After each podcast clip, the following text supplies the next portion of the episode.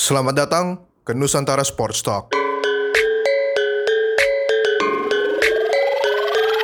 Welcome back mitra pendengar NST ke Nusantara Sports Talk by The Amateurs. Gimana kabarnya di? Yes, yes, udah playoff. Berarti harus semangat. Udah Gini kita kita tapnya hari libur ya, jadi ya harus semangat dong. Semangat, semangat, semangat. Yeah. Gue udah ambil cuti, jadi long weekend. Oh, long weekend. Iya. Enak ya kalau udah konglomerat begitu Oh, dibanding apa budak kong- korporat.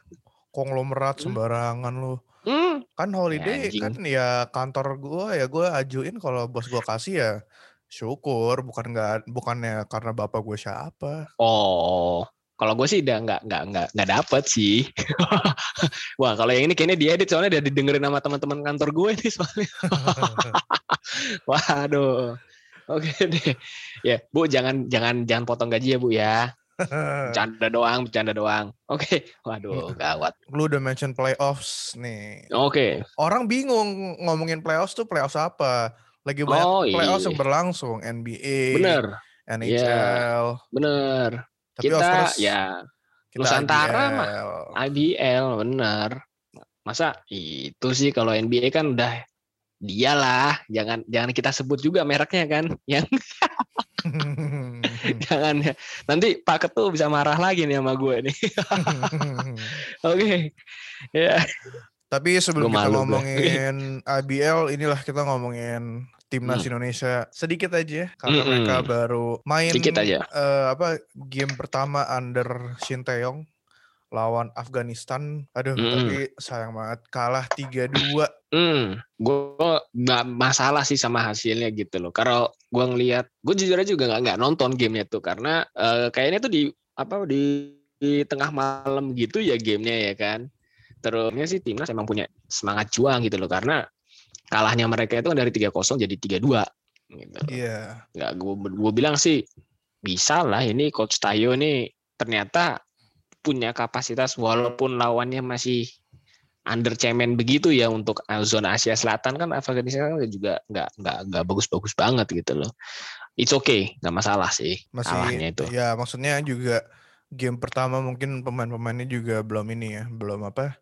nyetel lah gitu ke strateginya Shin Taeyong gitu. Terus juga dia belum dapat kombinasi pemain yang oke gitu. Tapi ya ini sih pasti ada aja ya orang yang cecar gitu. Alah masa lawan Afghanistan aja kalah gitu. Hmm, ya itu dia Kan. ya di episode kemarin itu ya kan udah sempet gue semprot juga itu buat bangke juga kalau misalnya masih kayak begitu sih. Ya, I mean kalau nggak salah Afghanistan justru rankingnya lebih tinggi kan ya dibanding Indonesia. ya? Kalau Afghanistan lebih tinggi iya gitu, tapi kalau di Iya. zona Asia Selatan dia nggak jago-jago banget juga.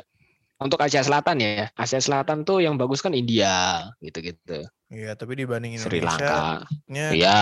jangan jangan bilang kayak ah masa lawan level Afghanistan aja kalah ya orang Ah, iya, rankingnya jangan. rankingnya aja kalah. Hmm, mm-mm sih ranking. Tapi gue bilang ranking sekarang nggak objektif sih Jul. Tapi bahas soal ranking nanti kayaknya kita bicarakan sama ah ini gue mesti mention nama ini lagi, nama ini lagi sih. Patrick sih. Nah iya. Lu lagi, lu lagi PT. Lu ah orang sombong dia tuh sekarang emang. Ah, Gue udah pengen dia, gua dia kan nggak dengerin nggak dengerin NST so. iya makanya asu emang dia emang well anyway, let's kita move on aja langsung ke IBL. Nih, aduh Hmm. man, dua-duanya ke game 3 ya. Dan ini deh ngomongin dulu deh eh, West Bandit Solo sama Prawira Bandung. Jujur, Aduh. oh, gila sih. Gue salut ke West Bandit Solo bisa apa kasih fight yang bagus banget dan mereka sekarang ada di semifinal. Bakal ketemu ini ya, bener. Satria Aduh, gue Muda ya. masih ngakak. SM benar Satria Muda ya gimana ya gue prediksi ini prediksi yang paling salah ya ini gue bilang sih anjir gue malu banget gue semua Ya emang tapi gini on, on- kan on bilang emang on paper eh, on paper ya emang Prawira Bandung unggul. Heeh. Udah ke mana-mana Jul gitu loh. Tapi ya gue bilang gini loh si West Bandit Solo itu di game pertama kenapa dia bisa kalah tegang tangannya ya tangannya yang tegang. Jadi Iya. banyak banget itu tembakan-tembakan yang menurut gua harusnya isi basket nggak nggak jadi poin gitu kan terus turnover juga kadang-kadang suenya sebenarnya turnover mereka tuh normal gitu loh di game pertama solo ya itu normal tapi point of turnovernya dari Prawira Bandung ini jadi pembeda itu satu itu dua ya terus kemarin di game pertama itu permainan ini sih totally paint domination sih itu Prawira Bandung benar-benar menang segala-galanya di pen area jadi itu yang bikin gue bilang Solo ya habis di pertandingan pertama gitu loh. Cuma ternyata gue nggak ngerti ya di pertandingan kedua kok agak kebalik. Bisa-bisanya tuh so Prawira Bandung justru yang jadi West Bandit Solo di game pertama gitu loh. Gue nggak lihat Damar Abraham Damar Graita, gue baru lihat tembakannya pada nggak masuk, ya itu ya bad luck sih kalau gue bilang bad game kedua tuh. Ya nggak nggak bad luck lah. Emang Ya, si ya. Memang si solonya apa, ya. solonya yang bisa merebut kemenangan gitu. Maksudnya Hmm, merebut opportunity dari si apa benar. Prawira Bandung nggak bisa Hmm, masukin bola ke ke basket ya itu di, ya sama udah. Bandit Solo di di utilize gitu opportunity-nya. Hmm, benar. Gua jujur sih sama Bandit Solo itu em, itu benchnya dia Cio Manu Putih itu yang menurut gue dari game kedua sampai game ketiga sih kelihatan banget ya dia sebagai guard dia sebagai playmaker dia punya visi di game kedua itu kelihatan banget ya seperti yang tadi lo bilang ketika tim melawan si Prawira Bandung ini nggak bisa ba- banyak bikin poin ya Cio Manu Putih ini ternyata yang banyak banget asis-asis yang ya dia dia bikin 7 atau 8 asis sebenarnya setiap game tapi kalau ngeliat gerakan-gerakannya gerakan visioner banget sih itu gua gua angkat angkat belangkon sih sama Cio Manu Putih bener Bakal berat sih mereka di semifinal. Se- Tapi ya Ketemunya berat. Sa- Satria Muda kan? Ya, iya tapi ya ini gua kalau ngomongin Satria Muda dia ini kan nggak main lama banget loh ya kan satu bulan lebih ini Hmm. Nah, yang gua khawatirkan adalah bisa nggak ini Satria Muda ini bisa maintain ritmenya dia gitu loh. Hmm. Karena satu bulan lebih itu tahu sendiri kayak gimana untuk ngejas game pertama ya kan. Terus kemudian Solo punya break itu berapa hari ya? Dua atau tiga hari gitu loh. Itu kan maksudnya memang secara fatigue ya jelas Solo lebih capek gitu. Tapi kalau secara apa ya panas-panasan tangan ya Solo masih ke maintain sedangkan Satria Muda tuh kayak kayak Kapten Amerika baru ketemu dari es gitu loh. Gak iya, inget apa. benar benar benar. Itu dia yang gua khawatirin, Sarah. Mesti ini sih, mesti mereka eh, Satria Muda mesti hati-hati di game pertama gitu. Mm-mm, Jangan benar. sampai mereka nggak siap terus kalah di game pertama, eh Mm-mm. terus juga moralnya turun, kalah juga di game kedua gitu. Ah, Nah, gitu. Bandit Solot yang masuk, yang masuk final. ya gue pengen lihat sih itu, itu kejutan gede sih. Ya Cinderella story banget sih kalau itu sampai Benar. apa kejadian gitu. Em, ini Amin. tapi aduh, man, speaking of Love. Iya, maksudnya speaking of kayak tim jago yang kalau kalah sama Ah. underdog, aduh sayang banget. Oh iya. Mestinya kita nggak Oh. ngomong gini sih, mestinya kita nggak ngomong sayang banget Louvre yang lolos, tapi maksudnya ya ya gua, I mean we both know kayak kita berdua ini kan mau lebih maunya si siapa Jogja. Jogja gitu yang lolos dan mereka Ah. hampir gitu, terutama pas Hampir. game pertama menangnya lumayan spektakuler gitu.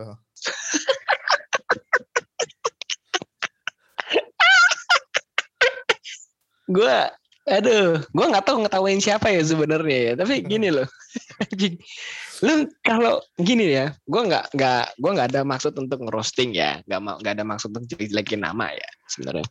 Gini nih, Jul, lu kalau pengen tahu aktivitas tweet gue sebelum game pertama kemarin, gue nge-tweet gini, kalau misalkan ad- kalau ada satu tim yang punya beberapa pemain dapat individual awards, itu satu sisi kan advantage, keuntungan, bener gak? Iya. Tapi di satu sisi lain itu bisa jadi tekanan gitu loh. Nah itu yang kemarin Surabaya dapat game pertama. Nah sekarang gini lah Jul, lu bakal ketawa nggak ketika lu tim lu punya MVP, tim lu punya Eh, depoy bentar, orang yang bentar, bentar. bukan Apa ya? MVP doang, defensive player of Iya. the year juga, man. Ah iya makanya MVP, Depoy, terus eh most improved player ya kalau nggak eh six man of the year kalau nggak salah, ya kan? Uh, ada Tiga. ada most improved player juga. Ada most improved player juga, ah Nah, empat gitu loh. Satu tim punya ada empat individual award, tapi kalau di quarter pertama nggak sampai bikin 10 poin, lu mau ngapain, men? Eh, Gimana gue nggak ketawa gitu loh? Ngerti nggak maksud gue? Iya kan? Itu Itu satu. kejadian lagi yang kayak pas regular season ya. Nah, iya. Itu satu. Tapi Nah, tapi kali ini kan gini. si Jamar Johnson main. Jamal Johnson main. Nah, ini yang kedua nih pengen gue jelasin. Lu kalau misalkan pemain punya MVP, punya Depoy, itu adalah orang yang sama. Gitu loh, ya kan? Tapi begitu gue lihat statistik seluruh pertandingan, net, net rate-nya itu minus 20. Gitu loh. Itu yang paling buruk. Terus minus 20 nih paling kecil. Yang terburuk selanjutnya, yang di atasnya dia tuh jauh. Minus 11, minus 10, some- something gitu lah. Lalu Hmm.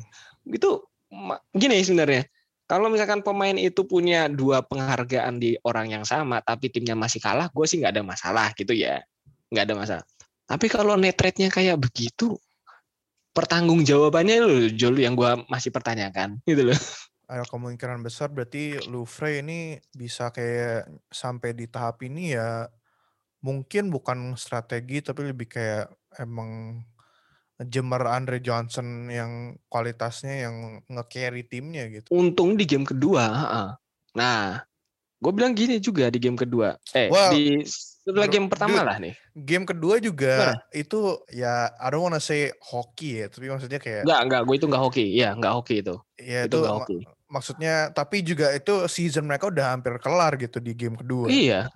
Tapi gini sebenarnya Jul, gue ngeliat tembakan Jamar Johnson itu bener kata lo itu nggak hoki itu pasti udah apa sih kalau di Inggris tuh muscle memory gitu kan. Itu Iya. satu karena Jamar Johnson pun ngeliat ngeliatnya itu jelas. Kayak ini ya LeBron James yang minggu lalu ya. Oh iya jelas dong. Tapi gini, kalau gue bilang Surabaya kemarin dibantai di game pertama itu sebenarnya nggak benar-benar kalah Jul. Kalau ternyata gue lihat di game kedua itu, memang Jogjanya kayak begitu ternyata. Nggak, ternyata di kuarter keempat anjlok Jul. Hmm. Nah sekarang gini deh, di game kedua Jogja itu cuma bisa bikin dua poin loh kuarter keempat, cuma dua, dua poin. Gitu. Padahal mereka bisa istilahnya bisa ngebantai lagi Surabaya gitu loh. Jadi gue bilang Jamar Johnson hoki nggak juga gitu loh. Memang ada faktor pendukungnya dari Jogja itu sendiri yang memang gue masih mempertanyakan konsistensinya mereka gitu di kuarter keempat terutama dan itu kejadian lagi di game keempat. Eh di game ketiga. Ya, katrok bener sih anjing. Katrok banget sumpah. Itu itu itu pertandingan paling katrok itu. Bener series series paling katrok itu ya itu anjing. Iya, tapi um, Louvre bakal ketemu Pelita Jaya ya di semifinal. Ini yang yang kalau kalian kalau mitra pendengar NST inget yang ngebantai Louvre abis kita bilang mereka Louvre tim nomor 2 overall di IBL. iya aduh. Tapi ya again sama case case nya Pelita Jaya sama SM tuh sama kan problemnya lama nggak main. Itu Iya. sih. Nah, tinggal kita lihat aja Louvre berani nggak tuh mama bisa nggak dia memanfaatkan itu tuh situasi kayak gitu? Itu aja sih. Ah, nah, nah, ini menurut lo jadi gimana di semifinal? Siapa yang kira-kira bakal lolos? gua nggak perlu pakai gayanya Charles Barkley kan di sini nggak ya Terserah kalau lo mau cari sensi. guarantee gitu enggak lah enggak kalau kita di sini dijamin gitu ya dijamin Dijamin. Tah, kalau dijamin pasti nggak terjadi tapi.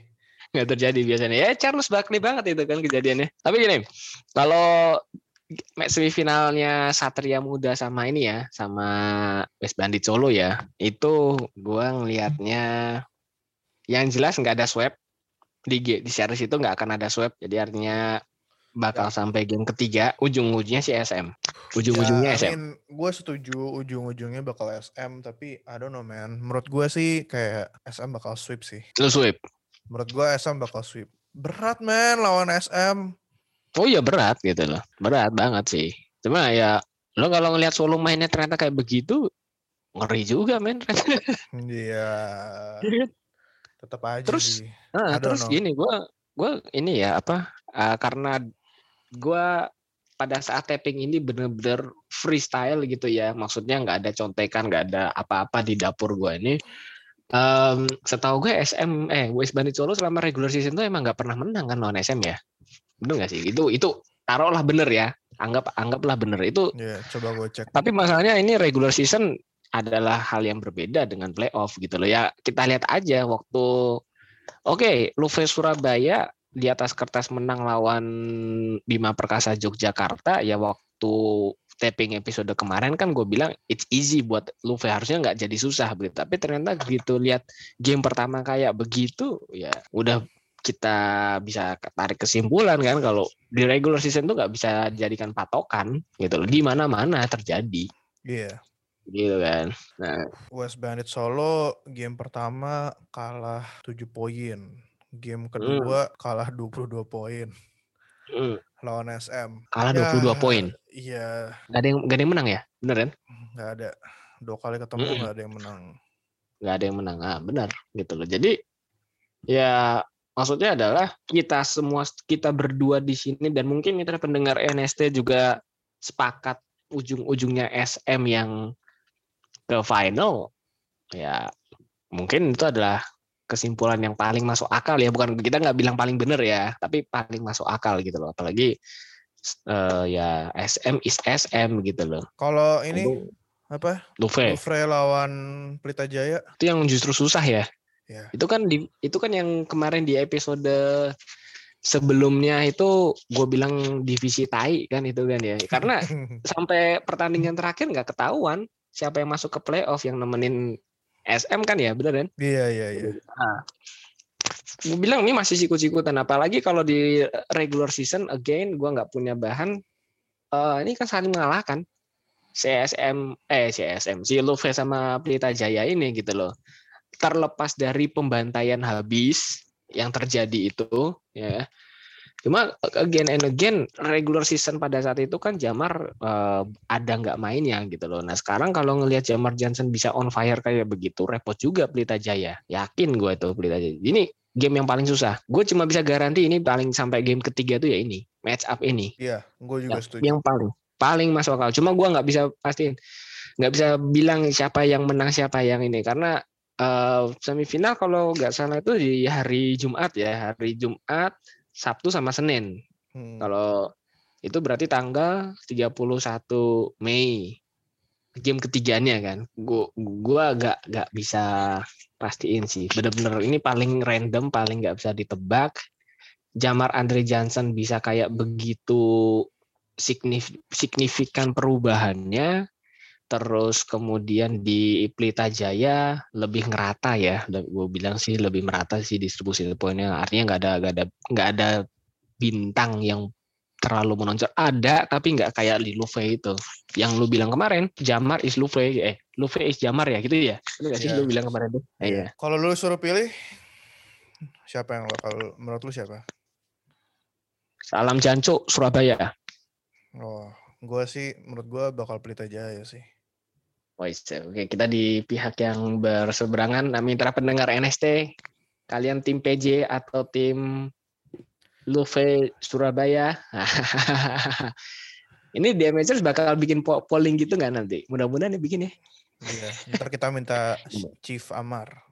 Oke, minta Chief Amar ya dong. Iya. Jangan jangan Boston Celtic doang yang dibikin polling.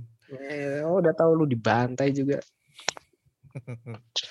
Beh, BTW kita tadi ngomongin MVP sama DPOI juga. Hmm. hmm.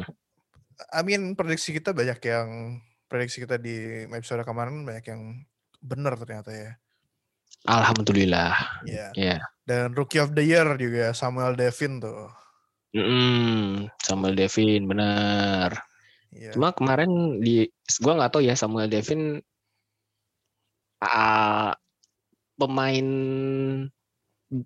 Bima Perkasa bukan sih? Iya, iya, benar ya? Iya, benar-benar. Benar, Bima Perkasa. Oke.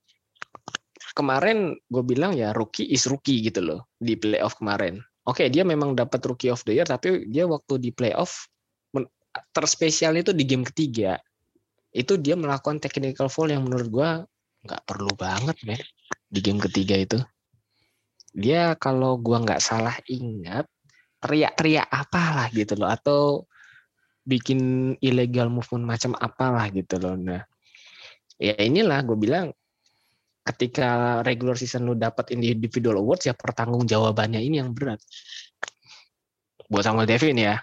Ya, I mean kayak dia juga masih muda kan sebagai pemain gitu.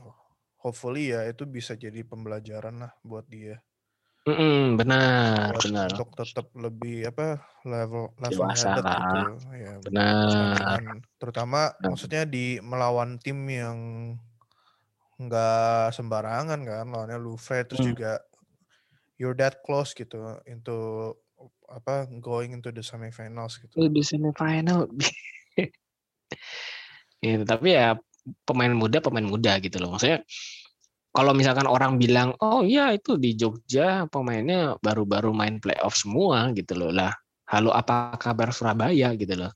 Iya. Maksudnya gue gue bilang begini, Surabaya kan cuma praktis ya, cuma ngandalin si Jamar gitu loh. Jamar sendirian aja tuh belum tentu bisa carry loh ya.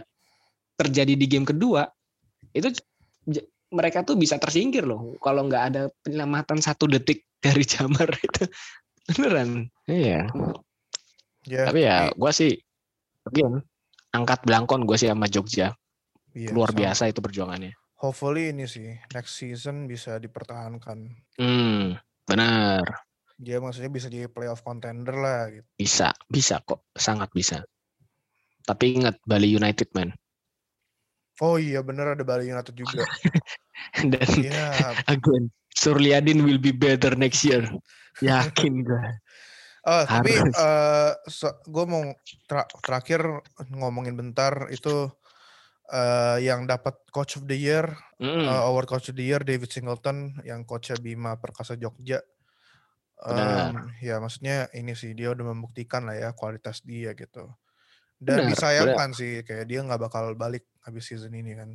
Iya sayang banget, sayang banget. Ya, balik ke eh, Kanada. ya. Ya mungkin Gua- di masa di masa yang mendatang mungkin dia bisa balik lagi gitu nge-coach di IBL. Hmm. Ya, gue setuju banget itu kalau dibilang David Singleton ya jadi pelatih coach of the year mungkin gua rasa voter gua nggak mau bilang kegeran ya tapi ya sekarang beginilah coach David Singleton ini bisa menjadi coach of the year tuh ya kita lihat lagi materi pemain yang dipunya kayak apa kan Jogja bisa dibilang di antara dua nominasi coach of the year juga. Maksud- maksudnya dia yang paling nggak mewah gitu loh. Squad. Tapi hmm, ada di divisi yang kayak begitu ya kan? Iya. yang pertandingan atau yang playoff hunternya sampai game terakhir ya itu udah menjadi pembuktian. Walaupun nggak menang ya. Maksudnya inilah dia juga kan dia tiba-tiba gitu last minute disuruh jadi pelatih, pelatihnya Bima Perkasa Hmm. Jogja tahun ini karena benar head coach mereka kan nggak bisa datang ke Indonesia karena dia di Taiwan gitu. Mm-mm. dengan kondisi seperti itu bisa ngebawa tim dia hampir masuk ke semifinal playoff sih ya emang dia deserve deserve sih dapat coach of the year Sangat. gue. sangat deserve sangat deserve Ya, I think itu aja. Em, berarti weekend ini ya bakal semi actionnya semifinal IBL. I think it's gonna be bakal seru sih. I Mm-mm. think. Hopefully Iya, nggak ada seru. seru banget ada nggak ada ngebantai-bantaian. Semoga tiga game janganlah jangan tiga game close game semua gitu. benar benar itu yang gua harap ya over minimal overtime satu lah Woi, Itu aja sih. Mau berapa overtime nih? Eh, yang jelas nggak pak nggak kayak NHL ya yang sampai 3 4 overtime yang akhirnya gue ketawa gitu satu aja cukup lah satu, aja Satu. cukup satu game satu overtime itu aja sih itu udah menurut gue udah ini sih dan itu mudah-mudahan terjadi di yang Pelita Jaya lawan Luve Oke, I think itu aja dari eh gua sama Alderwan di episode ini. iya nih hmm, Ya, of course as usual, thank you mitra pendengar NST udah ngedengerin podcast Yoi. Nusantara Sports Talk. Dan kalau mau follow dan ngebaca tulisan-tulisan kita ada di Medium hmm. The Amateurs. betul. Nah, terus juga follow kita di Instagram at The Amateurs ID sama di Twitter juga at The Amateurs ID buat update tentang podcast kita yang lain kayak off the court terus juga em, kalau di Twitter update-update tentang all the sports actions yang lagi berjalan gitu di seluruh dunia kayak Major League Baseball, NHL, terutama NHL playoff, terus NBA playoffs, terus juga sepak bola Eropa gitu. All of it Oh ya, sepak bola ya. Sepak bola. Kita mudah-mudahan di amateur bakal intens. Ini bentar lagi Euro nih soalnya nih, Jul. Iya. Euro, Copa America. Nah, Nah, itu cari Benar, aja lah di benar. The Amateurs. pasti, pasti. Ya, itu aja. See you guys in the next episode. Teng tong teng tong Bye. teng tong teng bye bye. Gak perlu dinyanyiin, ntar gue masukin sendiri.